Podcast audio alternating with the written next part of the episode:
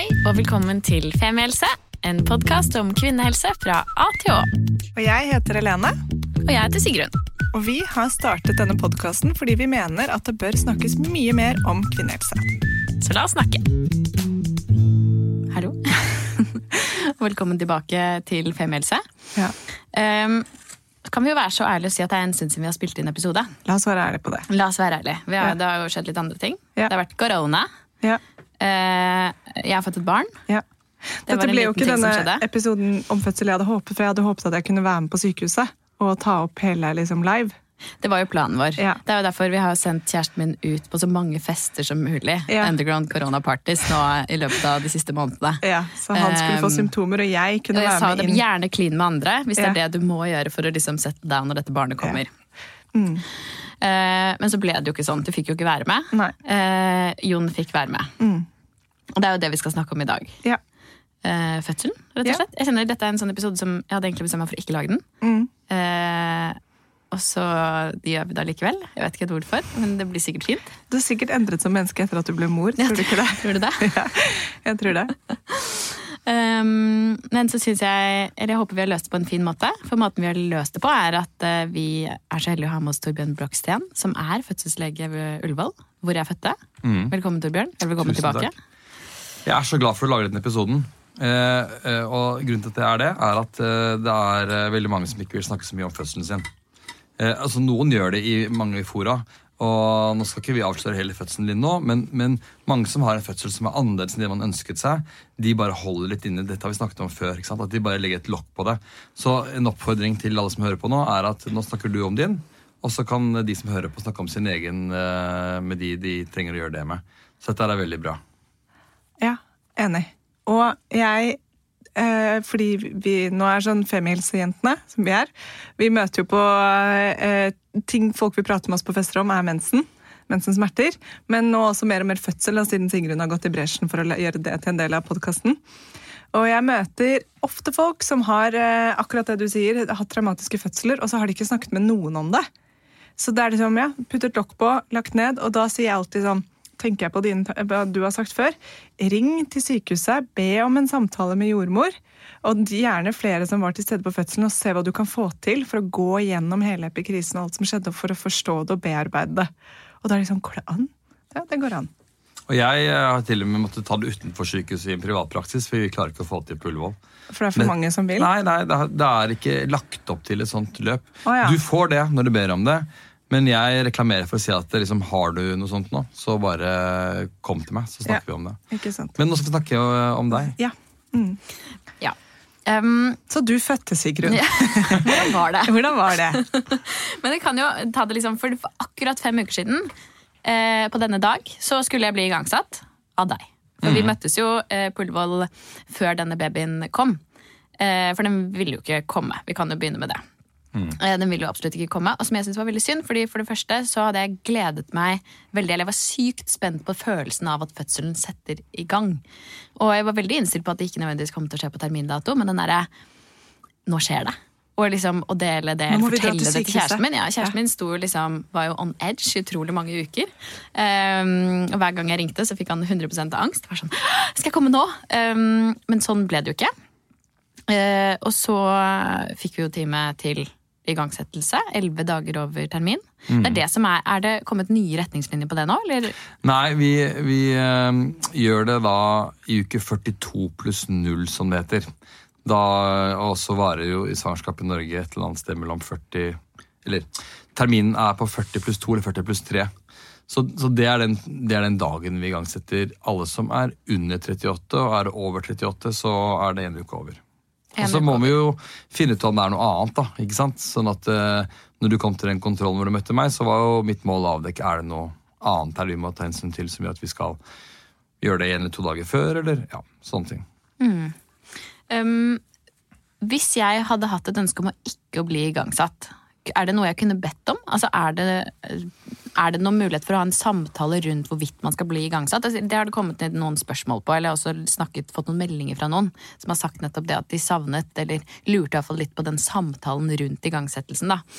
Ja, og det synes jeg er et veldig godt spørsmål. Det kommer veldig sjelden. Det kommer veldig ofte det motsatte. Jeg orker ikke mer. liksom, Sett meg i gang i morgen. Og så sier jeg nei, eh, kanskje vi skal vente til mandag osv.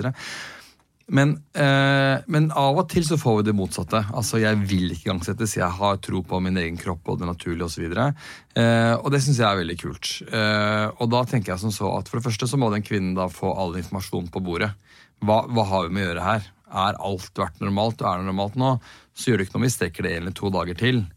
Ikke sant? Og så hvis jeg finner noe som er sånn ah, har ikke vokst akkurat sånn som den skal, eller morkakefunksjonen er ikke så bra, så håper jeg at de fleste tenker at din vurdering stoler jeg på, og jeg skjønner at ungen bør komme ut. Eh, Det er sjelden det begynner konflikt rundt dette, men det krever kanskje litt at det er en dame som tør å si fra, og så krever det nok litt at det er en lege på andre enden som tør å svare og ta ansvaret. Men, men det er ikke veldig ofte det skjer. Men det er mulig, og jeg har gjort det flere ganger. Ikke sant? Ja, for jeg bare tenkte Moren min fødte alle oss tre 14 dager over termin. Mm. Og jeg tenkte i utgangspunktet at jeg ikke ville blitt igangsatt, men jeg turte ikke å ta den avgjørelsen selv. eller Jeg turte ikke egentlig å, å gutse på det, for det føltes litt gutsete. Eh, og skulle vente flere dager. Men eh, ja, jeg skjønner at man kan selvfølgelig ha litt slingringsmonn på det hvis alt ser bra ut. Man og så er det man tenker litt eh, Hva er det man ikke ønsker seg? Og det alle ønsker seg, eller de fleste ønsker seg, er jo som du sier, den derre Wow, nå har jeg rier. Shit, dette, nå er det i gang, liksom. Og alt det der spennende rundt det. Og jeg har liksom kjørt kona mi i bilen mitt på natten, hvor hun sitter ved siden av meg, og den der følelsen. Det er så utrolig kul Nå skal vi føde barn, ja. Ja. Og det derre Ja, velkommen hit, her er det rommet, her kommer det en med en ballong eller en tablett. Eller, det er jo ikke akkurat like romantisk. Så, så, så det er det ene ved det. Men, men det andre er hva er det man skal vinne på det? Og da er det to spørsmål man skal tenke seg. Det ene er øker det sjansen min for å få en vellykket vaginal fødsel hvis jeg setter i gang? Ja eller nei? Og blir barnet eller jeg sykere av å ikke settes i gang eller settes i gang? Det er liksom de to hovedspørsmålene. Eh, og eh, nå har igangsettelse liksom vært en sånn derre vet ikke, Det er ingen som har elsket den gruppen, liksom. Vi, vi syns jo det er best med naturlig, men det har vokst seg kjempestor, da. Ja, fordi, hvor mange er det som blir igangsatt? Vi snakket om det på vei opp hit, og nå føler vi fort at alle rundt oss blir igangsatt. Ja, men det er rett det. Ikke alle, da. Men, mange eh, prosent cirka, Nei, 30. Og, og den har gått fra rundt 10 når jeg begynte i faget for 17 år siden. Ja. Så det er jo Hva er grunnen til det, tror du? Nei, det er ikke bare noe jeg tror, da. Dette vet jeg litt om også. Men, men eh, nei, og det er eh, veldig få slash under 10% som er pga. kvinnens ønske. Det skjer av og til. Altså, jeg har angst, mye i livet mitt er vanskelig. Vi finner en løsning jeg setter i gang da for å Ikke sant? Det er en veldig liten gruppe. Men overtid er en ganske stor gruppe. Når jeg begynte i faget, så fikk jeg beskjed av sjefen min om at eh, når de kommer til deg, 42 pluss 2, så forsøk å holde de en dag til. Ikke sant? Så var jeg sånn, ok, da gjør jeg det får beskjed om. Eh, Men så er nesten alle studier ganske entydige på at f.eks. overtidsigangsettelse, som du har nevnt eh, om deg selv, det, det gjør faktisk at vi setter i gang x antall kvinner, så redder vi x antall barn fra å både ikke klare seg til å ikke bli friske. Og man må jo selvfølgelig ganske høyt tall før man redder de få, men det er verdt det. Og vi kan ikke alltid plukke ut hvem som er de. Så det er den ene, ene grunnen til at det har økt. At vi har faktisk senket eh, ned til nå 42 blank, og så tipper jeg ser glasskulen at det blir 41 pluss 2 eller 3. Altså en uke over termin for nesten alle. For nå så jeg at de skulle justere det til ni dager over. Eller holde på å innføre Mm. Ja. det. Så dette her kommer nok til å og da, og da tenker jeg at da vil det være en mulighet for at du sier hei. Altså jeg vet at det var liksom 42 sist, og nå er det bare en uke over. Så vil jeg kunne selvfølgelig finne en løsning som er fin der. Det er mange andre ting også. Det, det viser seg at ikke igangsettelse faktisk verken øker keisersnittfrekvensen, og det gjør at vi får sprekere mødre og barn. Men det er ikke sånn at vi eh, For det er ikke noe altså Det har alltid vært sånn at man har født så sent. Hvis du skjønner hva jeg mener? Altså Det er ikke noe nytt nå At vi fødes senere enn at, vi før. fødes, at vi holder ungen lenger inne. Nei, det er fremdeles en sånn såkalt naturlig kurve. da. Ja. Så, så terminen varer jo fra uke 37 til 42. ikke sant? Eh, og så er det noen som går veldig tidlig, og noen som går veldig seint. Og så er det de fleste i midten. Og så er den høyeste punktet på kurven på termindato. Og der ligger det 4 Så hvis man er glad i matte, skal man begynne å tenke seg hvordan den kurven er laget. da. Så den, den er ganske konstant, ja. Ja, ikke sant? Så det er ikke sånn at folk liksom På 70-tallet var det vanligst at man gikk i gang i naturlig fødsel i uke 39, mens nå lever vi På 70-tallet levde man i en lykkelig uvitenhet. Man hadde ikke ultralyd. Nei, ikke sant? I hvert fall veldig få. Det fantes, veldig få. Så da er det sånn Nei, eh, du tror jeg kom tre-fire uker over termin og sånn. Ja, ikke sant? Og så er det sånn, ja, men du visste ikke helt når termin var, og så videre. Nei. Så vi vet ikke nok. Men eh, ikke så vidt jeg vet, da, så har det liksom så har damer blitt treigere. sånt. Det, Nei, ikke sant. det har jeg ikke hørt. Mer behagelige hoteller for babyene. Ja, ja. Men en ting jeg lurte på som du fikk høre veldig mye, og som irriterer meg, det er den babyen kommer når den er klar. Jeg vil gjerne En, hvorfor kommer da noen prematurt, liksom, og noen nekter å komme i det hele tatt? Og vet vi egentlig hvorfor en fødsel setter i gang liksom i symbiosen mellom mor og barn? Jeg er så glad ikke jeg sa det før du sa at jeg ikke skulle si det, for det hadde blitt veldig sånn annerledes eh, følelse i studio. Eh, Dritsinte Lene. Ja. Nei, ja da. Vi vet litt, og vi vet uh, altfor lite. Fordi at eh, det er det vanligste som skjer i verden, at folk fødes. ikke sant? Så vi burde hatt litt mer sånn ti elektroder og masse dippeditter og, og målinger av hormoner og det med andre, så kunne man liksom Nå har vi nøkkelen. Den nøkkelen har vi ikke. Så vi vet ikke. Eh, det er en kombinasjon av flere ting. Eh, det er hormoner innabords. Så når magen strekker seg, eller livmoren strekker seg, så er den med på å lage en sånn såkalt hormonkaskade, eller, eller liksom hormondans, om du vil, opp mot hjernen og ned til livmoren og frem og tilbake, som er med å gi da oksytocin, det derre riehormonet. Det er en del av det. Og derfor så føder bl.a. Eh, tvillinggravide litt tidligere. ikke sant? For de har jo da dobbelt så mye som presser ut.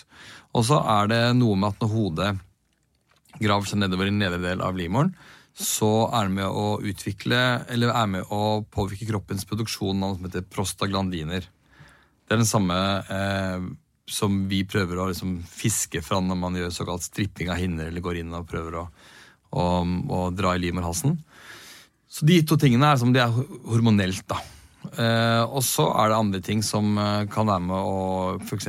tidlig fødsel. Eh, små bakterier eller små irritabiliteter som er med f.eks. å skape vannavgang.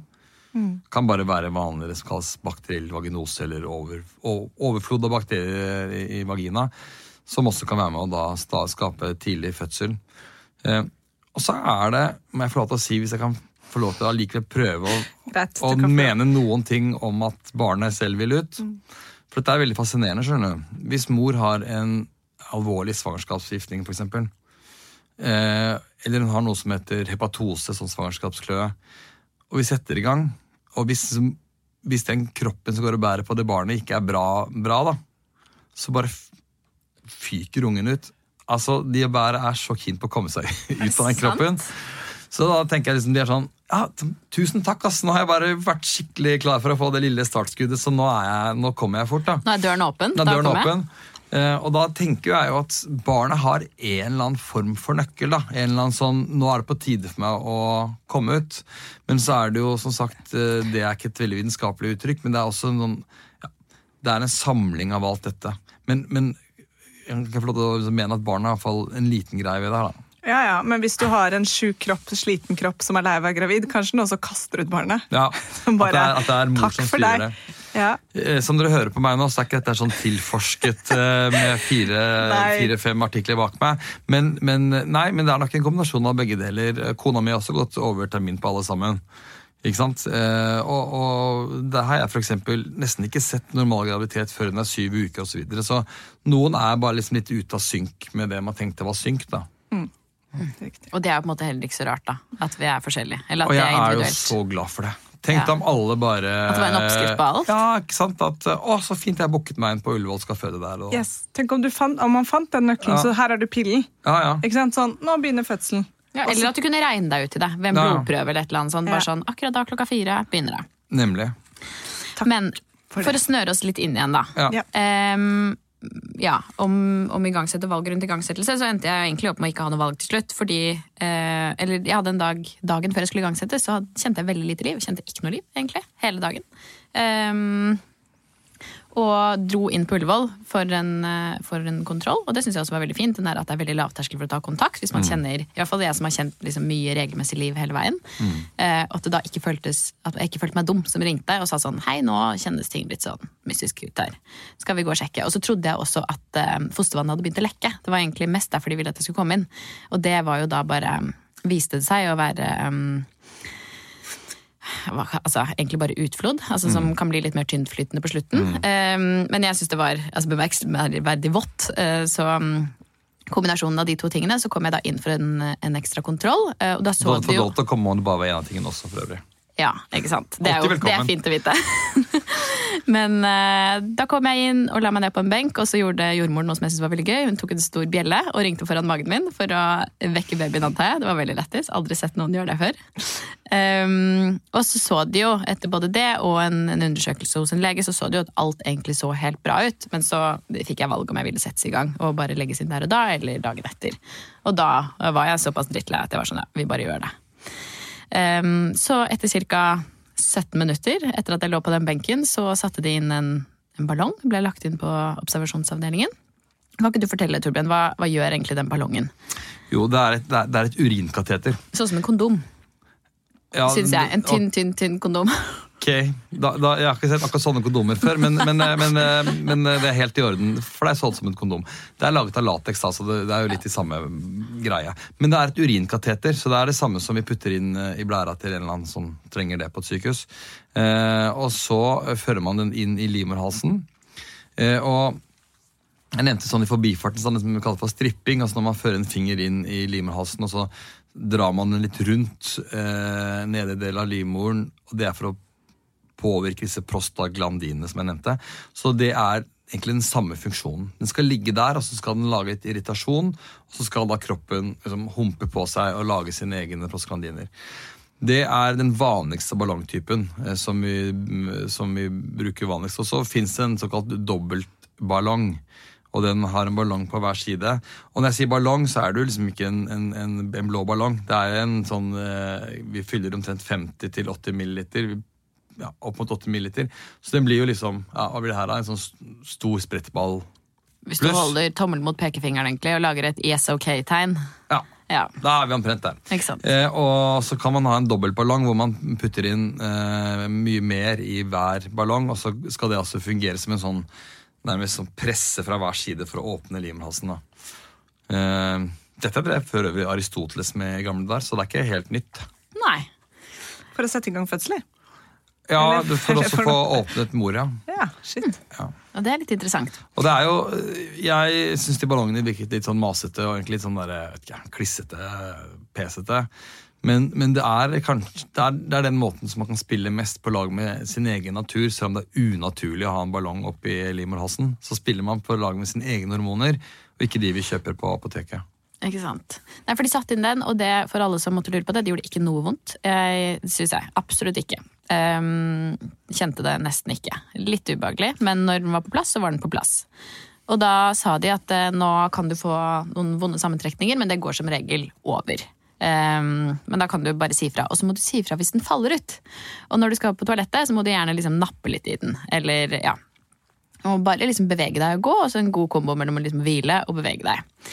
Um, så jeg var jo veldig klar for at den skulle falle ut. Og ganske raskt, etter kanskje et kvarter, så fikk jeg sammentrekninger. Og de ble ganske vonde etter hvert. Altså, så vonde at de jo, koblet meg til en CTG-maskin og sa at det ikke eh, Det kan godt hende at du føder i natt, eh, for de varte i to minutter og kom med veldig jevne mellomrom.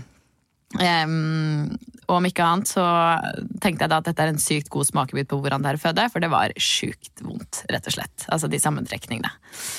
Ehm, så det holdt jeg på med noen timer. Da, dette var jo på kvelden sånn i halv ni-tiden, og 11-12 så tror jeg jeg fikk en uh, morfin og gammel allergipillemiks.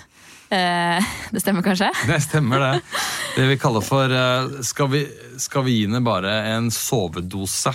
Det er spørsmålet til legen som sier ja, det høres bra ut med en sovedose. Og det er rett og slett uh, Oxycanton og, og litt allergimedisiner. Mm. Ja, og så var jeg litt sånn, for da kjentes det, for På meg så kjentes det veldig ut som fødselen var i gang, for det var såpass regelmessig og såpass vondt. Men da sa hun jordmoren som var inne hos meg, bare sånn ta det, Du går ikke glipp av noe. Altså, Skal du føde, så skal du føde, og da, da våkner du. Eh, så jeg var sånn, ok da, greit. Og så sovnet jeg. Og det er også sant, fordi at uh, all smertelidning vi gir, fjerner ikke rier. Nei. Det bare demper liksom følelsen av smertene. Og det, ikke, og det er ikke farlig for barnet heller, bare så det er sagt når vi snakker om morfin. Nei, Det er jo bra. Nei, jeg sovnet i hvert fall og våknet neste morgen og var på en måte skuffet og glad. Jeg vet ikke, ja, En liten miks. um, men den dagen gikk jeg i hvert fall veldig og ventet på at den ballongen skulle falle ut. Jeg gikk en tur i, altså med ballong hengende ut av tissen og sånn kateter teipet fast på låret. I joggebukse og sykehusskjorte og Birkenstocks med sokker i på gravlunden. Eh, Det var veldig fint vær, så det ut som fra innsiden. Det snødde eh, når jeg kom ut, men jeg gikk på trass eh, rundt der en liten time alene og snakket med alle jeg kom på å ringe. Um, og så kom jeg inn, og så gikk timene, og det skulle sitte inn i 24 timer, hadde vi sagt. Um, men så fortalte de meg da når de tok den ut da klokken ni på kvelden, at den faller bare ut hos 25% cirka. Eh, ja, fordi det som skal til, er at det åpner seg nok til at man får den der eh, ok-tegnet ut. da. Sånn at, eh, ja, det, Hvis det tallet er sagt til deg, så stemmer det sikkert. Jeg synes det var en eh, skuffende statistikk. det må jeg bare si. Fordi i hvert fall når de sier sånn Bare trekk i den. Har den falt ut? Har den falt ut? Har den falt ut? Og hvis det er så lite sjanse for at den skal falle ut, da kan man moderere. Jo, men den gjorde sikkert noe goodie uansett, ikke sant? Ja da. Jo da, det gjorde den åpenbart også. Det var jo litt åpning der litt senere, men Mm. eh, allikevel. Du ville at den skulle falle ut fordi det betyr at da har det utvidet seg mer? Ja. Oh, ja. ja. Og fordi at jeg følte at det skjedde så mye. Fordi for gjennom hele dagen også så hadde jeg jo regelmessige sammentrekninger som var ganske vonde. Så skjedde det ingenting. Så jeg var ganske skuffet over egen kropp. Men da hadde jeg allerede vært det. Og det er jo baksiden av medaljen for igangsettelse. er jo nettopp det at det tar litt tid, og, og det er litt tungt, og det kan gjøre litt vondt, og det kan øke litt dårlig søvn og sånt nå. Sånn at eh, det er liksom Når det er sånn, så er det sånn, men det er heftig. Ja. Den kom i hvert fall ikke ut, da. Så ble den nappet ut til slutt. Um, ja, da kvelden etter. Og det har jeg også skjønt i ettertid. Jeg fikk jo valget mellom å bli satt i gang på morgenen og på kvelden. Og jeg valgte kvelden. Det var kanskje ikke så lurt. For da jobber du deg gjennom nettene og ikke dagene, på en måte. Ja, vi, vi Bare for å bruke noen sånn kjedelige eh, uttrykk. Vi driver og jobber med logistikken her. Eh, Og det vi ønsker jo, er at de fleste skal føde når det er flest mulig på jobb. Så at Å føde på dagtid er det beste. altså å liksom Trykke ungen ut på dagtid er det beste. Versus da å føde på natten. Og de vi setter i gang med hormoner på morgenen, de har nesten å føde på natten. Som selvfølgelig er litt digg, for da, har du liksom bare, da er du bare videre i noe. Og det er kjedelig å bruke natten til heftige greier. Men Det Ja. eh, Det ble som det ble. ble, som det ble. Uh, og det gikk jo greit, men i hvert fall da, for da klokken ni på kvelden da mandag kveld har vi kommet til nå, ble innlagt søndag kveld, mandag kveld fikk jeg to modningspiller, som jeg trodde var stikkpiller, som skulle stikkes opp i underlivet. Det gjorde de ikke. Det var to piller som jeg spiste. Så stakk du den først opp, og Ja, så måtte jeg ta de ut, presse ut igjen, og så spiste jeg de. Men det gikk bra, det. Men uh, ja, Og to modningspiller. Og da er det hormoner. Det er hormoner, det er disse prostaglandinene som jeg har nevnt tidligere, med både stripping og ballong. Da må vi eh, gi de da i tablettform. da. Og det samme som fins i sperm. Er det ikke det? Nei, det er en myte. Det er oh, ja. prostata, prostaglandiner. Det noen som har er, lest feil, og derfor Jeg var bombesikker på at det var det samme. ja. Eh, nei, det er ikke helt det samme. Men, eh, men noen mener at prostatavæsken har en effekt hvis man tenker på sex for å starte i gang. Vi tror mer at det er liksom støtene som har en effekt. Irritasjonen. Mm. Ok, men da har vi lært det. Men altså, hvis du først skal holde på greiene, så kan du like så godt la alt liksom gli inn og skje. Det er ikke noe Trodde det var noe av poenget. Altså, det finnes mange feilkilder der ute, det må jeg bare si. Ja, ja.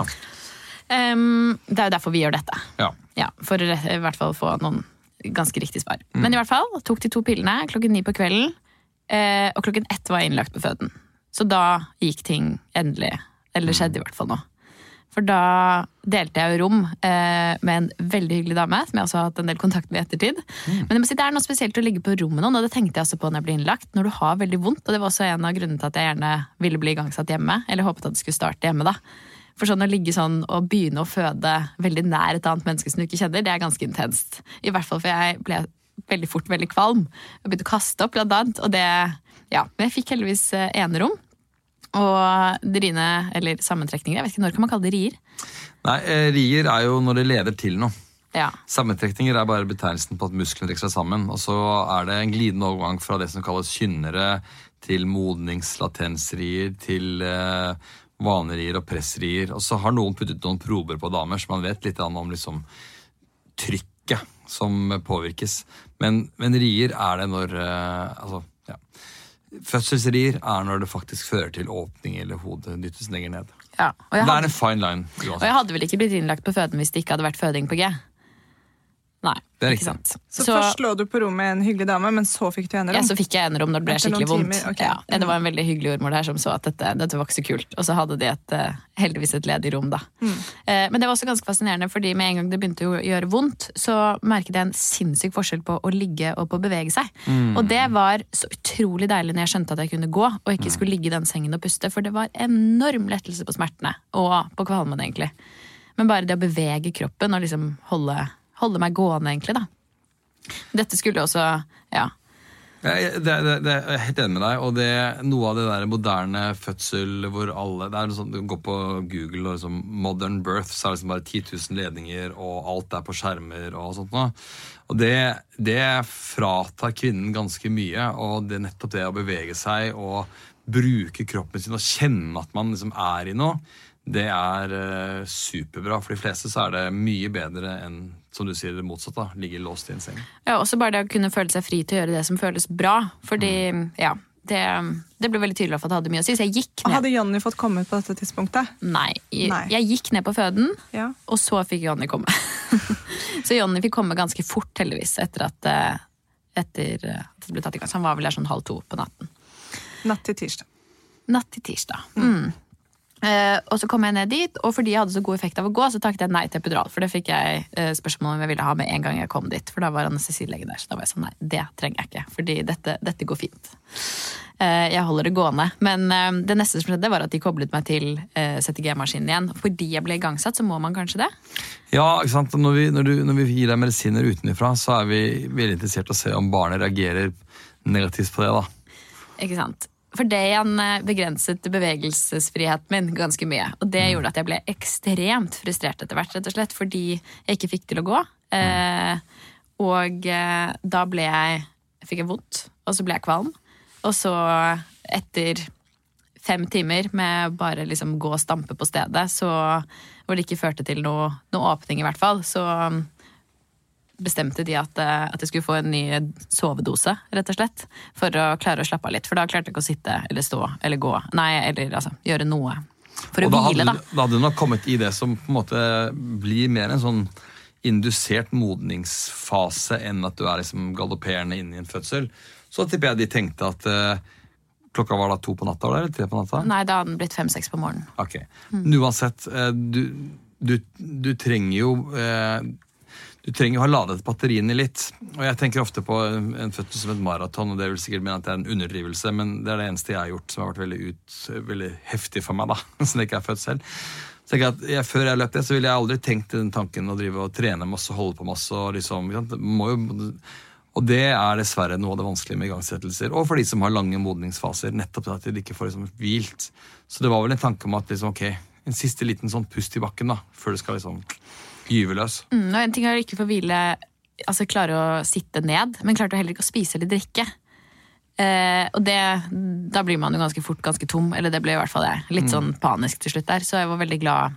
Jeg sovnet, og det var veldig deilig å sove to-tre timer på morgenen der. Um, men, og det lurer jeg også på, altså, Hvor vanlig er det å bli så kvalm? Altså, for det var jo flere av de jordmødrene som var innom, for da fikk jeg jo både intravenøs kvalmestillende og ja, saltvann og alt mulig. Men det å kaste opp etter hver ri, hvor vanlig er det? Ja, det, det, det tallet har jeg ikke, men det er mange grunner for den kvalmen. Da. Det er jo masse hormoner i, i sving. Og så er smerter veldig heftig. De fleste som får akutt megavondt, blir dødskvalme og til og med kaster opp, uavhengig av om man er gravid eller ikke. Men noe tall har jeg ikke. Men det er i hvert fall ikke uvanlig helt at. Vi har mange som kaster opp. Og det er et problem, da, for at du skal både være uthvilt, men du skal jo ha liksom, sukker og næring. Det er også noe med å bruke pausene til det mellom riene. For da Ja. er det litt sånn, ok, når skal man puste, da? Eh, så jeg syns faktisk det var verre enn smertene. Mm. Den derre kvalmen. Mm. Det hadde sikkert vært mye lurere å sove mellom riene enn å kaste opp. tror du Ja, ikke ja, takk for tipset. det? Jeg det. Ja, det Det er noen som gjør det også. Det, da, det, da, da er det litt sånn søt, tenker jeg. Oi, shit, nå er du sliten, ass. Ja, Jeg men prater til deg, og så Ja, vi, er, vi kommer dit. Ah, okay, vi kommer ja. dit, Okay. Nei, jeg gjorde jo det. Ja, for uh, Ja, nei, så fikk jeg sove noen timer, og så fikk jeg frokost og en modningspille til. Eh, og så begynte det jo på igjen. Og det var jo sånn cirka da du var innom og hilste på. Tror jeg. Da var jeg fortsatt ganske i støtet. Eller sånn cirka i støtet, i hvert fall. Nyvilt. Eh, og så gikk det ganske raskt til de satte på hormondrypp i tillegg. Fordi de gikk jo ikke fremover. Da var vi fortsatt noen døgn inn i dette her, og vi hadde et 1-2 cm åpning. Og da er dette oksytocindryppet, er det ikke det? Jo. Som pusher inn i gang. Ja, og det, det er liksom tredje stadiet om du vil, i denne induksjonsdansen. da. Det er oksytocindrypp. Og det det er, er jo egentlig bare også, det er et drypp som inneholder kjemisk framstilte hormoner som er helt like det du selv produserer. Så det er for å gi deg rier, altså. Ikke sant? Er de sterkere eller hyppigere enn vanlige Mm. Nei, rier? de, de, de- skal stilles inn, så vi starter kjempelavt. Det som er interessant med igangsettelse av kvinner Nå fortalte dere i stad at de som må ha barn ut fordi man har psykosider, de føder raskt, men det er så veldig forskjell, forskjell på dere. Du sa 25 eh, faller ballongen ut av. 10% føder bare på en ballong. Ikke sant? Bang! Ikke sant? Eh, Og noen trenger én tablett, så er det sånn oh, wow!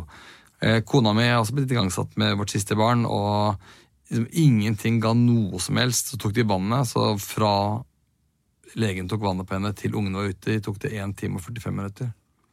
Ja. Og da var det bare en centimeter åpning. sånn at det, Man bare reagerer på forskjellige ting. Så av og til så er det sånn Hun har nesten ikke reagert noen ting på tablettene. Ja, ta vannet og se hva som skjer, da. Og så plutselig så er det liksom det som skal til. da. Ja, for det gjorde de også inni her. Jeg vet ikke om du har lest det på krisen, jeg husker ikke når de gjorde det. Det er også sånn som vi har snakket om tidligere, Lena, at jeg husker ekstremt lite av fødselen min. Så jeg har faktisk skrevet det neste nå gang for å huske. du kommer til meg, eller jeg kommer til deg, så ber de meg gjøre det, for jeg kan ikke lese på krisen din, for jeg syns det er interessant. Nei, det er- ikke sant? da Nei, jeg tenkte kanskje du hadde fått et sånn vakt, eh, vaktbytte hvor du hadde fått informasjon. Ehm, ja, du er, du er spesiell, men så spesiell er du kanskje ikke. Fordi vi får vaktinformasjon, det er sånn pass skikkelig på hund, liksom. Ja, ok. Eh, og jeg skal ikke si så mye uh, om deg, for det gjør du selv i veldig, veldig fint vis, men, jeg, men, men du var jo ikke en sånn som han var veldig redd for. Det er godt å vite, eh, da. Sånn, Men jeg fulgte jo med på deg, for jeg kjenner, kjenner deg. eh, Og, og fikk egentlig bare tilbakemelding av jordmødrene på liksom at ting gikk bra. og sånn. Men, eh, men du, du, du påpeker en ting, for veldig mange har sånne faktiske hull. Så det å sette seg ned som vi startet, snakket om i starten her, og faktisk gå gjennom ordentlig, det kan være veldig verdifullt. Så neste gang. ja, for hele tingen er, liksom, det er ganske blurry for meg, men jeg vet at også vannet ble tatt. Sånn cirka samtidig som de satte på dryppet. Um, og da skjedde ting, da også. Uh, helt klart, i hvert fall Riene ble veldig mye mer intense. Og det ble veldig vondt, og da ble jeg veldig kvalm igjen. Og da fikk jeg epidural. Um, og dette var jo da på ettermiddagen, så det hadde gått et halvt døgn til. Um, og den epiduralen er, var det beste som hadde skjedd meg noensinne. Det var helt fantastisk. Og gjorde det. Jeg kjente ikke at de satt den, det var ikke noe vondt. Um, det var jeg også litt spent på, i hvert fall liksom hvordan det er å få denne sprøyten inn i ryggen. Men sammenlignet med altså, de riesmertene, som er jo rett før de setter epiduralstikket, uh, så var det Ja, det gikk helt fint. Det var 100% verdt det. Det som er veldig kult med deg, er at når jeg var her sist, så snakket du litt om at du var litt cocky, og dette er ikke noe stress, og alt går bra og sånt nå. Det er jo en veldig god holdning å ha for øvrig. Det liker jeg veldig godt. Eh, og så sa du i stad at nei, epidural var du ikke keen på, du, du ville få til dette selv, og igangsettelse var det egentlig ikke noe du hadde lyst til, og sånt nå. Men det som er veldig bra med deg, da, og som jeg, som jeg tenker alle lytterne må høre litt eh, etterpå, det å, det å være litt dynamisk. Og det jeg tenker at de fleste som kommer med både forslag og tanker, mener noe godt ved det. Ikke sant? Og at en innstilling på at jeg vil ikke igangsettes eller jeg vil ikke ha epidural, kan snus. Og så kan det være kjempebra begge deler. Så det er kult. Du fikk epidural, og det, og det er det mange som vil ha. Og så tenker jeg at kanskje ikke du skal ha det neste gang, men nå var det helt sånn utslitt. Dag to-tre, klarer ikke å følge med, men mange dager ut i dette. Så er det digg å bare Da kan jeg slappe av på akkurat de riene. Det blir digg. Det var veldig deilig. Det var akkurat det det var. Ehm, og da sa de, var de veldig tydelige på meg at liksom, ok, nå må du, legge, du må ligge rett. Nå må du ligge rett ned på ryggen. Og som var det verste jeg kunne gjøre, for da ble jeg enda kvalmere. Eh, For hvis ikke så kan det bli skjev fordeling av epiduralen, så kan det bli lam i bare den ene siden. Eller miste smerten i bare den ene siden. Så jeg var utrolig opptatt av det. Ble fortsatt mistet bare smertene på høyre side. er det vanlig? De Ja, sa at det var altså, litt vanlig. skjønner du, at liksom det ble, Var det høyresiden som var vanlig å Ja, Epiduralen er et tynt, tynt, tynt, tynt plastrør. Og så er det koblet på en sånn medisinpumpe. Så kan man også styre den på samme måte som det drypper. Kan man styre mer rier, mer smertelindring, mindre smertelindring osv. Og, og hvis den bare går på én side, så vil anestesilegen, det er altså ikke meg, men en annen type lege, trekke litt i det kateteret og se helt hvordan det, hvordan det funker. da. Ja, For Så- meg så hjalp det også bare tippe meg opp på den ene siden, sånn at det liksom fikk rent litt ned eh, Ja, det er- i det andre det er det beinet. som skjer. Eh, Og da, da, da det faktisk er sant, det der, nå, nå tar jeg en i venstre bein også, liksom. Ja, Tenkte var- du det? Ja, ja, faktisk.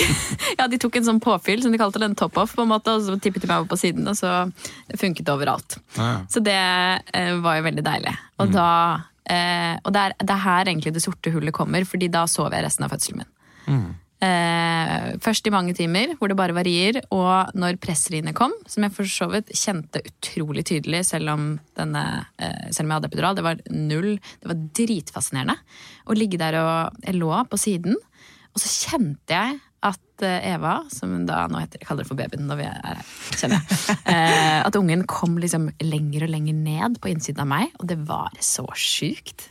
Altså, det var en kjempefascinerende følelse. Og at bare sånn nå ja, nå beveger hun seg, nå kommer hun nærmere åpningen. Jeg kunne holde jordmor oppdatert. Liksom, nå er det liksom, nå nærmer vi oss her.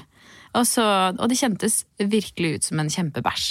Og jeg sa det til jordmor også. Jeg ringte på henne og var sånn, nå tror jeg at jeg bæsjer på meg. Og da var det jo fordi hun hadde kommet langt. Og da svarte hun 'Å, så bra'! Ja, det var akkurat det, for jeg trodde jo faktisk at jeg hadde bare bæsj på meg. Eh, Så jeg var sånn, åh, kan vi deale med dette? Bare? Eh, Er det vanlig? Ja. Ja, ja. Nei, ja, jeg spurte henne, eh, men hun ble jo som du sa, hun var glad. Eh, Og var sånn, ja, da blir jeg her eh, fremover, tror jeg. Mm. Så det var, det var kjempekult. Overraskende kult. Gøy. Ja, det var det. Og så ligge og kjenne på det, så var hun sånn, jeg må si fra når det var presse. Og Og hvor mye var klokka da du følte at du hadde bæsja på deg? Hvilken dag er vi på nå? Eh, kanskje sånn 11 11-12 tirsdag kveld. Ja. Så da, ja, Dette begynte søndag kveld, da, på en måte. Mm, Den mandag, igangsettelsen. tirsdag kveld. Mm. Ehm, det som har skjedd i mellomtiden, her også, er at jeg har mistet totalt følelsen og styrken i venstre ben, som også var jo en opplevelse. For den droppfoten uh, det var også litt fascinerende. For jeg, jeg kunne ikke bevege meg alene uten at det var stor fare for å falle. Og det er også epiduralen, er det ikke det? Jo. Det, og at du har ligget eh, lenge, og kanskje at bena er litt i benholdere. Det er mange ting som påvirker sånn droppfot også, men ja da. Ja, for det var, altså jeg, synes jo, jeg var i såpass eh, godt humør her nå fordi jeg ikke hadde vondt at jeg syntes det var litt lættis. Men ja, jeg dropp foten, og at jeg ikke klarte å tisse etter hvert. Eh, for jeg klarte ikke å føle blæra mi, så de begynte å katetrisere. Tømme blæra. Ehm, Du har blitt så profesjonell. jo, takk. Ja. Altså, da, jeg følte, som vi snakket om, jeg fikk prøvd alt på fødemenyen når jeg var på Ullevål. Altså, ja. Bred til noe positivt både med dette igangsettelsen, at jeg måtte gjennom alle hjelpemidlene og ja, alt som skjedde etterpå. Ja, for min gode venninne har, eh, En god venninne av meg ble igangsatt, og hun sa det beste med det er at du får prøve alt i kantina. Mange ulike liksom, variasjoner av kjøttkaker. Eh, og du får virkelig liksom, brukt, for, du får brukt skattepengene dine. Du er lenge på sykehuset. Du får liksom sjekket ut mange jordmødre. Du får mye igjen, da. Jeg tror vi var gjennom fem jordmødre. Ja, det er akkurat det. Og vi snakket mye, snakket mye om femihelse til alle. Og liksom, ja. Fikk spurt de om hva gjør du nå, er dette vanlig? Bla, bla, bla. Jeg var sikkert uh, litt irriterende, men uh, jeg koste meg. Um, ja, nei, og så lå jeg da og kjente at hun kom lenger og lenger ned, og til slutt så kjente jeg at, eh, at nå må det presses. Og det var så deilig, fordi da på én time så hadde det gått fra 6 til 10 cm. Og det, herregud, etter å ha vært på 1 til 2 cm i tre døgn, for en gavepakke av en endelig hyggelig informasjon å få. Fordi da, jeg var jo, hadde jo tenkt og tenkte nå de siste to dagene at det blir nok ikke noe barn. Eh, Det kommer nok ikke noe barn ut av dette. her. Det blir ikke noe føding. Altså, dette er bare en intens form for sykdom som kommer til å gå over, men den graviditeten kommer til å fortsette. Eh, Men så skjønte jeg jo plutselig at det, ikke, det, det var ikke sånn det var allikevel. Og hun skulle komme ut, eh, og at jeg fikk lov til å presse når jeg faktisk kjente den pressfølelsen. Og det har jeg også hørt om før, liksom folk som kjenner at de må presse, og så får de ikke lov, og det høres veldig frustrerende ut. Um, nei, det var bare en god følelse, rett og slett. Og jeg hadde fortsatt ikke vondt. Jeg hadde bare liksom pressfølelse. Men eh, det kom jeg knapt nok i gang med eh, før en fødselslege. Det var ikke deg, men en eh, veldig stødig trøndersk dame. Eh, begynte å komme innom og begynte å ta prøver av hodet til babyen. Hva er det de gjør da? Jo, altså på et tidspunkt så er jo du sliten, det har vi snakket om, og så er kanskje livmoren din sliten etter alt eh, utstyret. Så blir ofte babyen sliten nå. Ja, for De sa nå har du ca. to timer på deg til babyen må være ute. Ja. Jo da, og det kan være en motivasjon i det også, eller det kan være en skremsel. Det må man bare si det på riktig vis. Men Jeg syns det var deilig. å vite. Ja, ja, ikke sant. Ja, to timer, det fikser jeg. Ja. Men nei, det som skjer er at eh, når barnet er slitent, så reagerer det med pulsfall eller pulsforandring. Så vår jobb er jo flere ting. Det ene er å passe på at eh, barnet kommer riktig, og at progresjonen er grei, at den kommer ned i bekkenet fint osv.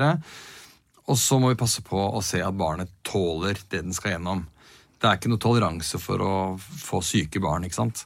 Så eh, da har vi en sånn CTG som du nevnte i stad. Det er en registrering av barnets puls opp mot dine rier. Og så er det nummer én noe som det har brukt meg snart 17 år på å bli skikkelig god på. Og det fungerer i hvert fall ikke at partner skal bli god på det på tre timer. Men de fleste partnere ringer på sånn nå er det gærent med den registreringen.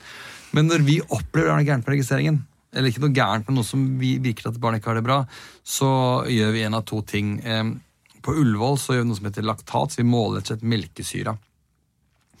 Da pleier jeg alltid å si sånn at ja, nå er det melkesyre som en sånn koselig eh, eh, ettermiddagstur rundt Sognsvann, liksom. Ellers er det sånn Oi, nå er vi litt sånn, nå er det slutten av maratonet. Nå, nå må vi hjelpe den ut. På babyen. Så da måler ja. du det på hodet. Du stikker en nål i hodet. Yes, så jeg tar inn et en lite, ikke bare så lite, eller ganske intenst eh, metallrør, og så finner jeg da barnets hode og ser litt hår, og så vasker jeg området.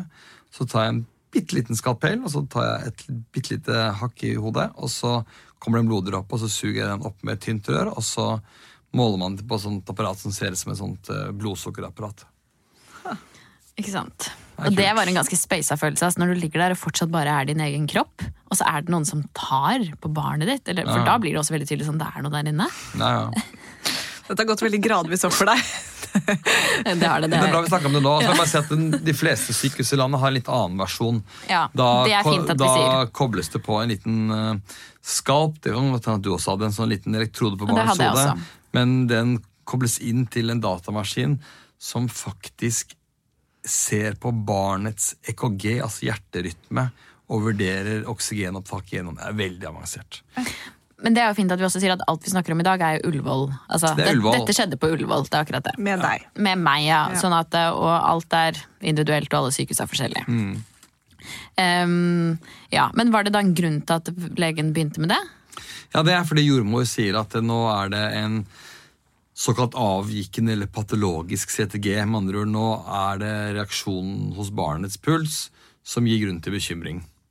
Og så må man da avkrefte bekymringen, eller da finne ut at ja, det er faktisk ikke helt bra nå. Og da må man Da tenker vi jo Når skal barnet ut? ikke sant? Og så fikk du høre to timer. Og så tar man en ny prøve, kanskje to på rad, for å se om det blir forverring, om det er det samme. Og så er det en stor variasjon av normal, ikke sant? og så må man eh, vite og kunne faget sitt nok til at eh, man vet at eh, ja, innenfor det tidsrammen så blir det sprekt barn her. Ikke Det er sant? jobben vår, da. Og hele tidsperspektivet mitt her er helt ute. Eh, fordi da skjedde det som vi snakket om i stad. Jeg sovnet mellom, mellom hver pressri. Eh, som var veldig deilig og ganske rart. Men eh, denne legen kom inn eh, ganske hyppig etter hvert. Eh, før det var noen som sa at eh, babyen ble stressa. Er det da melkesyn man ser det på? Eller blir Ja. den faktisk stressa? Eller blir den egentlig Ja, trøtt og for lav hjerterytme? Nei, det er um, Altså, barnet får lav hjerterytme av flere forskjellige ting. Uh, og det er sannsynligvis fordi barnet er klok nok til å dempe hjerterytmen sin for å sørge for å måte opprettholde eh, det blodet med oksygen i som den har der. Så den gjør en sånn smart løsning. For det her er, nå, nå er det litt heftig rundt meg, så nå må jeg bare prøve å roe ned hjertet mitt. Det er samme som vi også opplever hvis vi er i, i en kald snøhule og det går liksom mot litt dårligere tider, så går også pulsen vår ned. Så det er, sånn, det er jo en, en, en metode for å på en bevare det best mulig. Men ordet stressa er bare et eller annet ord. Det, det som skjer, er at uh, melkesyren går opp, og når den går opp, så vet vi at da er det ikke så digg. Samme som når vi, når vi jogger, hvis vi liksom får masse melkesyre, så stopper vi bare. Det er ikke så lett å stoppe den babyen, men vi kan gjøre ting for å dempe ting. da, sant? Eh, Skru ned på det dryppet med oksytocin, f.eks. Når du trykker, kanskje ikke trykke på hver i, men annenhver i. Det er mange ting vi kan gjøre for oss. Men hvis jeg da kommer inn og vi tenker at ja, nå er det, nå er det ikke så bra mer, så må jeg da eventuelt legge en sugekopp, eller Ikke sant? av og til så blir det et keisersnitt man ikke har kommet langt nok. Ikke sant? For nå, da sto jo heldigvis barnets hode sånn at eh, de sa nå kan du kjenne på hodet og på håret hvis du vil det. Og da fikk jeg helt sånn nei, det vil jeg ikke. Det vil jeg, Det vil ikke? Jeg ville absolutt ikke. Okay. Og det er veldig Ja. Nei, jeg ville Jeg kjente bare sånn Å, nei, gud, dette orker jeg ikke å forholde meg til nå. Nei. Jeg hadde fortsatt ikke skjønt at det skulle komme et barn, åpenbart. Eh, Så jeg var sånn, den horisonten ville jeg ikke ta på. Men eh, nei, det ville jeg ikke. Jeg hadde mer enn nok med meg selv. Å bare fokusere. Og jeg var helt ekstremt fokusert spesielt på slutten her. Og jeg kan ikke huske at Jon var der. Eh, før hun faktisk kom ut. Det var den eneste gangen i løpet av fødselen hvor jeg holdt han i hånden. Eller altså hvor vi hadde noen fysisk kontakt. Jeg var helt, hele veien helt ekstremt i min egen boble. Og ja, nå tar jeg en litt annen vei her, men det er jo litt sånn Jeg hadde trodd at jeg skulle være mer avhengig av han. At jeg skulle være liksom bore nesen min inn i halsgropen hans og være sånn Ikke forlat deg'. Men som han har sagt oss i ettertid, altså sånn, han syntes det ble litt kjedelig etter hvert. Fordi han endte opp med å bare sitte på telefonen. Han satt og scrollet. Ja, fordi jeg ville bare være alene. Og jeg var bare sånn, ikke snakk til meg, vi må skru av alt lyset, ikke ta på meg. Jeg må bare Jeg må fokusere. Og jeg sa jo det, også det til alle jordmødrene som kom inn. Kan dere bare være, ikke være her inne? Med mindre dere må. Jeg ringer hvis det er noe. Eh, oh, ja. Jeg ville ikke ha noen Det er der inne. Og ikke, ikke prat, vær så snill, med mindre du må. Ikke spør hvordan det går. liksom. Jeg sier fra hvis jeg vil ha noe. Men bare, bare min analyse av deg, og du må bare stoppe meg hvis det ikke stemmer, men det hørtes ut som du var veldig altså, utslitt, da. Jeg var Du, du eh, sovner jo mellom hver id og trykk og sånt nå. De aller fleste har spesielt god eh, støtte i en jordmor, fordi det å ha en person som du kan se inn i øynene og du tenker denne personen vil lede meg riktig vei og vil meg vel. Dette er bra og trygt. Det, det, de fleste syns det er hyggelig med partner.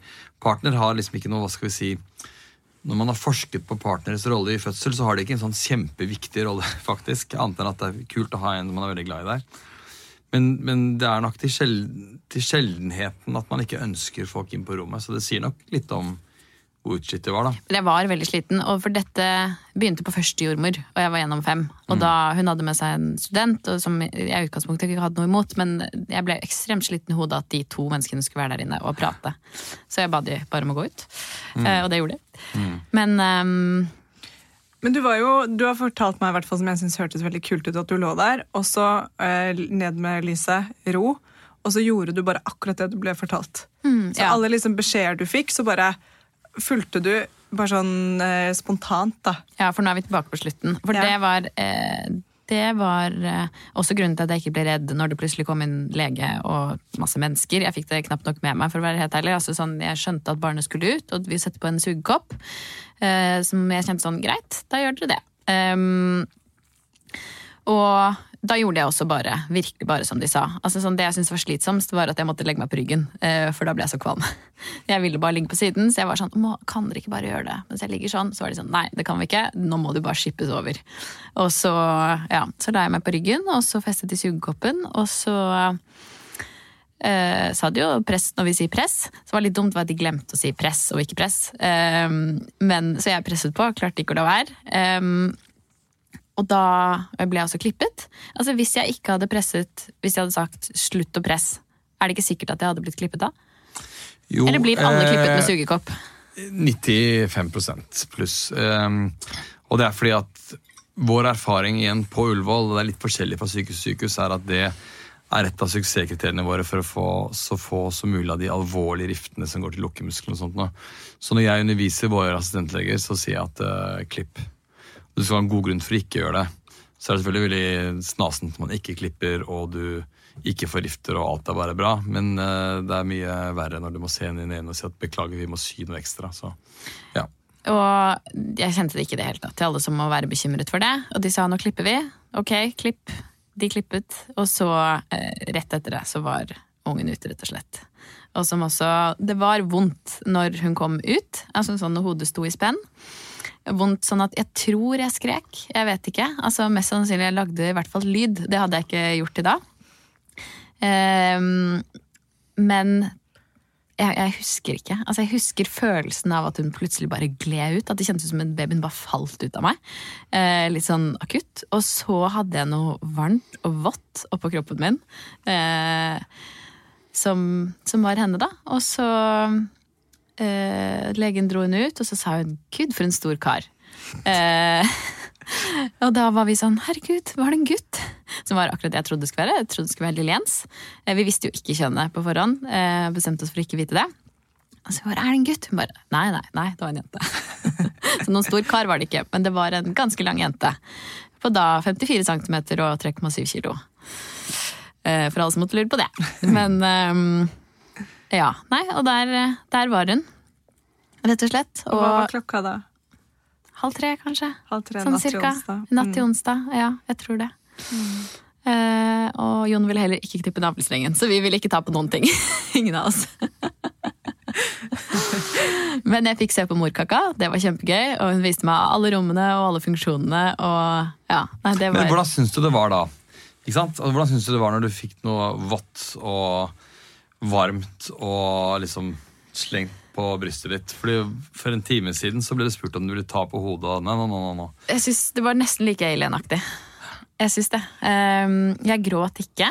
Det, jeg var veldig spent på om jeg kom til å gråte og bli liksom veldig rørt. Jon kjente på en enorm form for akutt kjærlighet.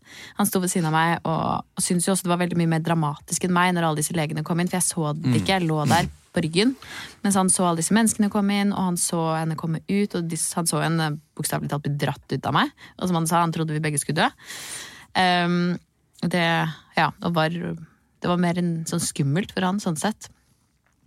Så jeg husker veldig godt den følelsen at han står ved siden av meg og gråter og sier at 'herregud, du er så flink, du er så flink, du er så flink'. Eh, Kanskje 100 ganger. Um, og at jeg holder dette lille barnet på brystet, og som er varmt, og som, som lager lyd, og som, ja, som var en jente. Og det var, ja. Jeg husker jeg var nesten mest overrasket over at det hele var over, og at uh, Ja. Nei, det var bare rart. Det er jo enormt stort, og det er Det selvfølgelig det mest akutt. fantastiske i livet, men så er det allikevel en sånn derre Du er jo utslitt, og forventninger av følelser og tanker, og hva skal man gjøre, var det riktig, ikke riktig, og ikke? Det er mange ting rundt det, og det er, det, det er dette barnet som har, i og for seg liksom har plaget deg noen dager, da. Med å Ja. ikke komme seg ut. Og det, det, det, er mange, det er mange følelser, så jeg var bare interessert i å høre hva du følte da, fordi det er veldig forskjellig. Ja, jeg, som, altså jeg synes det følt, altså Selv om vi hadde holdt på i mange dager, og denne graviditeten har vart i tolv og et halvt år, så er det noe med at liksom eh, Nei, det føltes plutselig så akutt. Allikevel, bare plutselig var det et barn der. Og det var en rar følelse. Og liksom fortsatt ikke har klart å ja, nesten å skjønne at det er det det ledet opp til. Men jeg kjente ikke på den eh, plutselige kjærligheten. Ikke, ikke sånn der og da, på samme måte som Jonny, og ikke heller i liksom, dagene etter. Det var Det er veldig vanlig.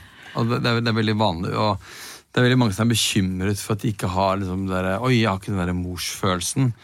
Husker ikke helt det, men eh, eh, ja, det er liksom 30% eller, altså Det er ganske vanlig å ikke kjenne på den følelsen. Jeg tenker at det er litt fint å si det også. Eller Ja, ja. For meg så tok det flere uker før jeg begynte å kjenne på kjærlighet. Mm. eh, Og at, jeg er glad i henne. Jeg syns det var 100% naturlig å ta vare på barnet. Det synes jeg Det var verken skummelt eller unaturlig. Altså Å skifte bleie og holde henne i mat og liksom og gi henne det hun trenger, det føltes enkelt.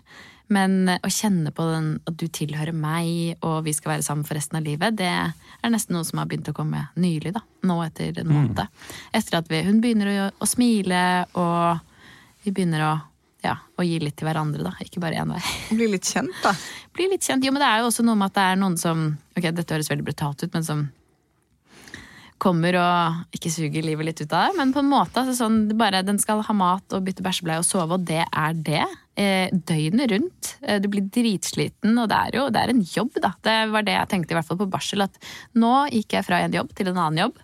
Og um, denne jobben kommer til å endre seg, men um, det, er, det er en jobb, rett og slett, å ta vare på et nyfødt barn. Det er en jobb når de er 16 år, kan jeg si. da, men det, det Ja, det tror jeg på, En men-. Så spør Men en moren jobb min, som- så er det en jobb når de er 35 også. Yeah. Nei, men det er det jeg har tenkt litt på. Så nei, det var absurd, og noe jeg aldri kunne ha sett for meg. I hvert fall ikke liksom det følelsesmessige aspektet ved det. Så, så heftig. Og som du sa eh, da du besøkte meg på barsel, at du kommer aldri til å ha en så hva du kalte det? Jeg vet ikke, Dramatisk eller dramatisk eller En sånn fødsel igjen, sa du kanskje, da. Mest. Jeg tror jeg kanskje sa det siste, og, og det er litt fordi at nå, når, jeg, hører på deg snakke nå, så, så snakker du om fødselen din eh, ikke som om den har blitt opplevd traumatisk. Det er veldig sånn stort ord, da. Traumatisk. Men en tredjedel av alle kvinner opplever fødselen sin traumatisk. Så det er ganske mange. kan være mange grunner for det. Dårlig kommunikasjon med en jordmor eller eh, smerter eller en vakuum man ikke tenkte på osv. Men det jeg prøvde å si til deg, var at liksom, dette, dette er din første fødsel, og sånn blir det ikke neste gang. Da blir det, da blir det ABC og ikke epidural. Jeg skal ta imot. Og, ja, ja, Ja. Her skal vi gjøre det. Ja.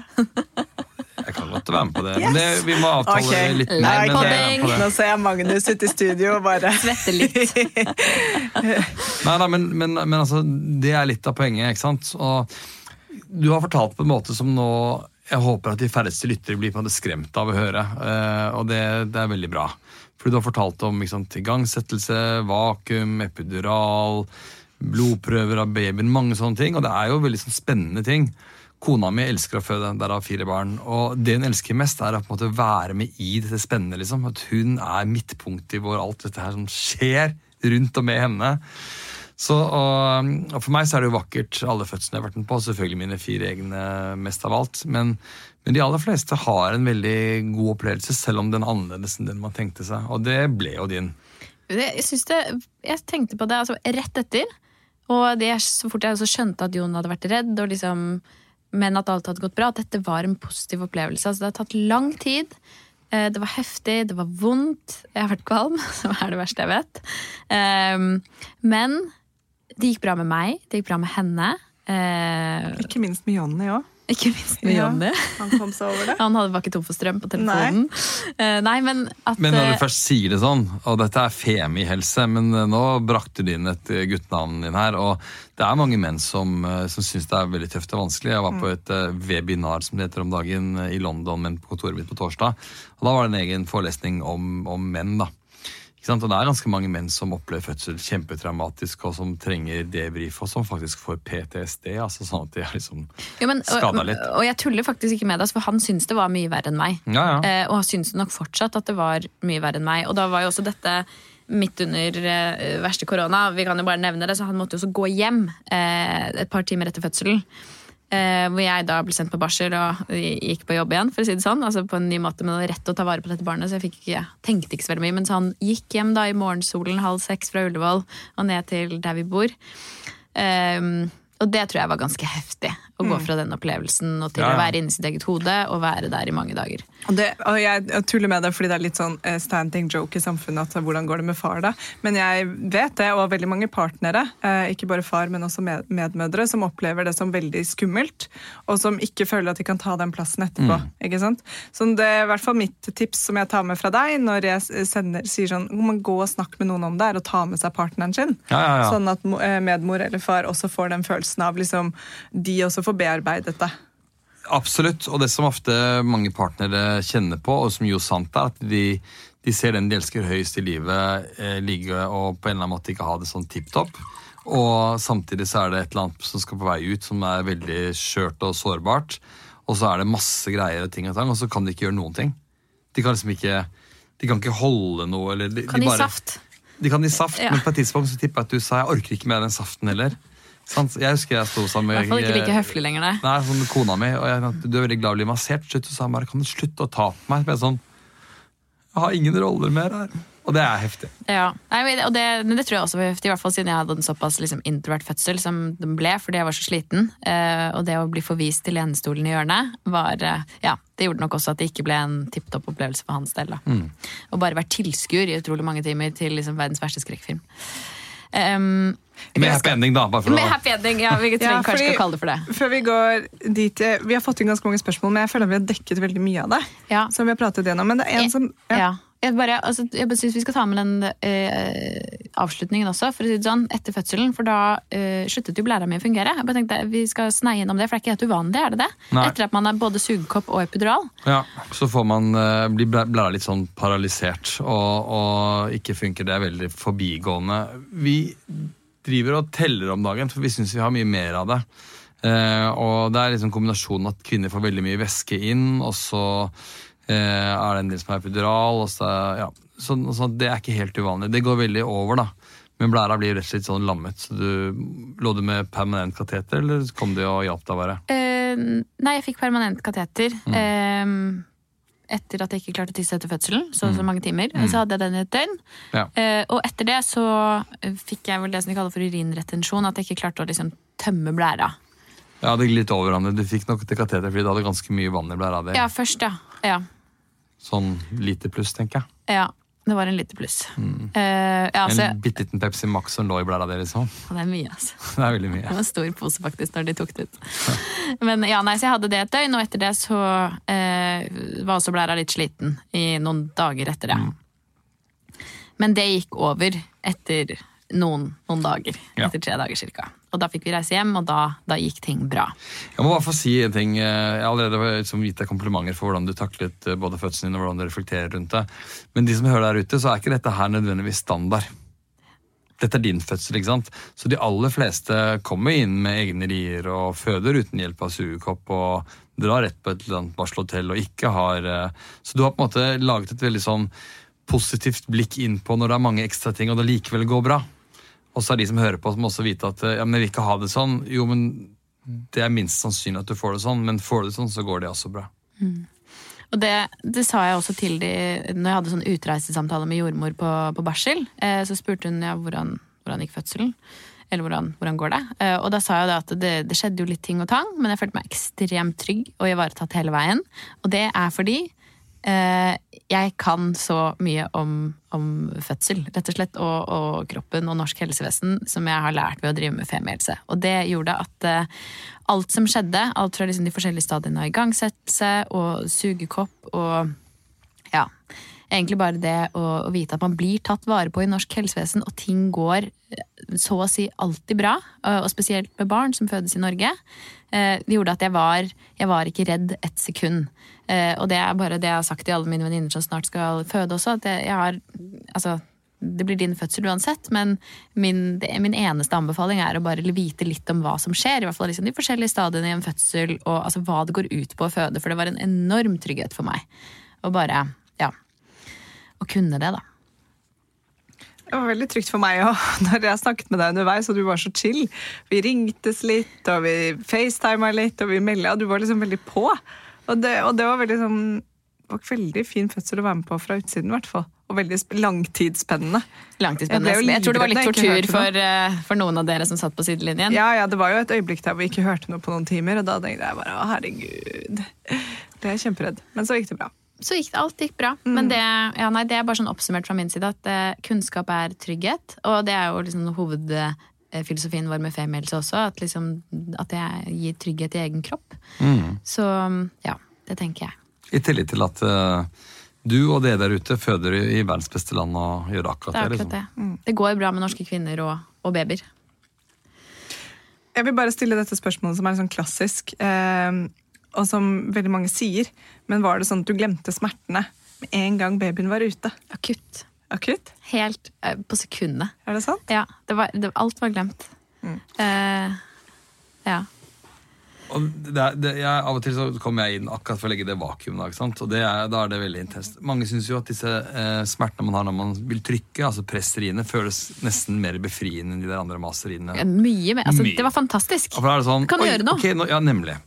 Uh, og så uh, kommer jeg av til inn, og de kan banne og spytte. og bare, jeg, elsker det, for det er for meg sånn, sånn helt sånn giga-crazy. Uh, og så så hun ute, og så er det 'Å, herregud, så søt den er'. Eller liksom, å, så er det sånn 'Husker du hva du kalte meg for fem? Selvfølgelig gjør hun ikke det. Men jeg syns det er så gøy å være med på den, den forandringen også. Ja, det Det var helt utrolig. fra det mest intense men, og det mest positive delen. For det er sånn, å, jeg er så nær! Jeg er så nær! Og hvis jeg bare nå gjør sånn som kroppen sier at jeg skal gjøre, Mm. så er dette over. og ungen er der. Men eh, ja, nei, på sekundet. Um, og på en sånn måte, faktisk, i stad sa jeg at jeg ikke kjente epiduralen, men når barnet var ute og riene var over, så kjente jeg syingen igjen. Altså sånn, Jeg hadde fått litt mer tilbake den der normalregistreringen av kroppens sånn smerteregister. At jeg, det var ikke det at det var vondt at de sydde, men jeg kjente at de gjorde noe der nede. Og det hadde jeg ikke gjort. Det gjorde jeg åpenbart ikke når de klippet og gjorde ting for tre og et halvt minutt siden. Så ja, nei, det var over med en gang. Så bra. Det var det jeg lurte på. Ja. Jeg føler vi har dekket veldig mange av de andre spørsmålene inn i episoden. Så bra. Ja, Vi har bare tatt det litt sånn underveis. ja. Det er jo det er veldig, veldig fint. Um, ja. Og de som har noen spørsmål som de lurer på som de ikke har fått besvart her, så har vi også laget en episode om fødsel som man kan høre på. og om rifter. Og og revning. Mm. Ja. Og det kan jeg også si, det var ikke noe vondt å bli sydd etterpå. Og helt sykt fascinerende nå, fire uker etter, så ser man det nesten ikke. Altså, det er helt Nå så du enda en veldig viktig ting. Jeg eh, anbefaler alle jeg, å, ta et speil og bare ta en titt. liksom, For mange tenker at ok, det var det. Altså Med alt det som skjedde på den korte tiden, så må du være litt crazy her. Det er Det blir så bra. Men det var også det med Jeg gikk i dusjen etterpå, etter at jeg hadde født. Da føltes jo Ja, det kjentes som jeg hadde fått en ny kropp, bokstavelig talt. Ehm, men, og da så jeg. Da så jeg i speilet på badet.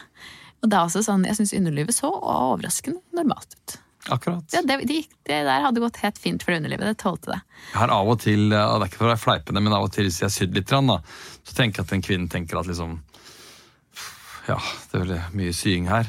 Da pleier jeg til å ta eh, et skritt tilbake så pleier jeg å si Fy søren, det ble skikkelig bra. tenker at Det må være hyggelig å høre en motsats. Det er jo det.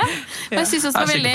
Så Av og til så sier jeg til jordmoren er ikke det, er ikke det bra. Hun bare, jo, det er veldig bra. Ja, det er det. Men også det at når man blir klippet, så blir du ikke på en måte klippet i tissen. Det var liksom opp på siden. Eh, som også gjorde at jeg følte at du skånet området litt, på en måte. Mm. Uh, og det, det hadde jo kommet inn et spørsmål om hvordan kroppen føltes etterpå også. Og der også er kroppen fantastisk. ass. Fordi jo, du kjenner deg ganske mørbanka noen dager, og ja, fort et par uker, og du kjenner at du har vært gjennom noe både skjelettmessig og muskelmessig og på alle måter. Men to uker senere så følte jeg meg så godt som meg selv. Eh, både eh, bekkenmessig og alt mulig, men også i de stingene hadde da sluttet å gjøre vondt. Så halvannen til to uker. Så kroppen er fantastisk. Og her er det selvfølgelig ekstremt individuelt også, og mange kan kjenne på ting i lengre tid. Men eh, ja, jeg tenker at noen av dere blir sikkert også glad for å høre, som ikke har født ennå, at eh, kroppen er dritkul på akkurat det der. Jepp. Jeg er enig. Og, det, og du har nok ganske rett at det er omtrent cirka snitt, snittiden. I hvert fall på de stingene. Altså sånn, etter to uker så var det helt bra. Det gjorde litt vondt å sitte på, spesielt når jeg kom hjem og begynte å bevege meg litt mer. Men eh, ja. Etter et par uker så var det helt tipp toppen. Så bra. Da kom vi gjennom det, da. Da kom vi gjennom det. Det gikk mye raskere når du bare snakket gjennom det sånn, enn da du faktisk var der. Det er rart, det Ja. der. Tenk hvis vi skulle tatt det nå minutt for minutt. Det hadde vært litt sånn, Det hadde Litt vært sånn eh, slow podcast, liksom. ja, Eller maratonpodkast. Da kunne vi kanskje satt eh, Ja. rekord, da. Vi får ta det. Men eh, hvis vi livepodkaster neste fødsel, Ja. eh, da kan vi vurdere å gjøre det. ja. Er du med, Magnus? Ja, ikke sant? Og jeg kan faktisk eh, på stående fot love deg at jeg blir med på. Yay! Ok, men da har vi Dream, Fødsel her, da, dream Team. Ja, vi tar det i studio, selvfølgelig. Vi må jo ha god kvalitet på det. Da får jeg høre hva sjefen min sier når uh, dr. Steen begynner med hjemmefødsler. Det får jeg sikkert en liten sånn kom på kontoret-samtale, men det tar jeg. Vi planlegger det i god tid, så Ja, ja. løser det seg. Ja, ja. Men uh, da har vi unna både født og unna født-snakket, for å si det sånn. Fødesnakket. Jeg syns dette gikk overraskende bra. Det var, det var veldig fint å høre på. Jeg håper det var sånn cirka interessant å høre på. Eh, og at Ja, jeg vet ikke. Var veldig fint. Så bra. Ja. Tusen takk, Torbjørn, for at du kom både på sykehuset og sjekket opp på Sigrun, og stilte opp etterpå. Det var Takk for å bli invitert. Det er Ja. hyggelig å være her. Ja. Veldig hyggelig. Um, lykke til med fødingen, alle dere som skal føde. Ja. Det kommer til å gå helt strålende. Og ellers så uh, snakkes vi straks. Ja. Så bra. Ha det. Ha det. Ha det.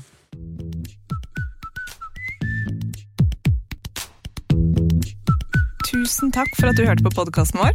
Selv om det forhåpentligvis kommer tydelig frem, så vil vi understreke at vi ikke er helsepersonell. Ja, så som vanlig, kontakt legen din om du har noen spørsmål, eller om du skal begynne på noen form for behandling. Og har du et tema som du har lyst til at vi skal snakke om, eller noe ris eller ros, så send oss gjerne en melding på Facebook eller på Instagram. Der finner du oss under Femihelse. Og du kan gjerne rate oss på iTunes, det er skikkelig hyggelig for oss. Ha en fin dag! Ha en kjempefin dag!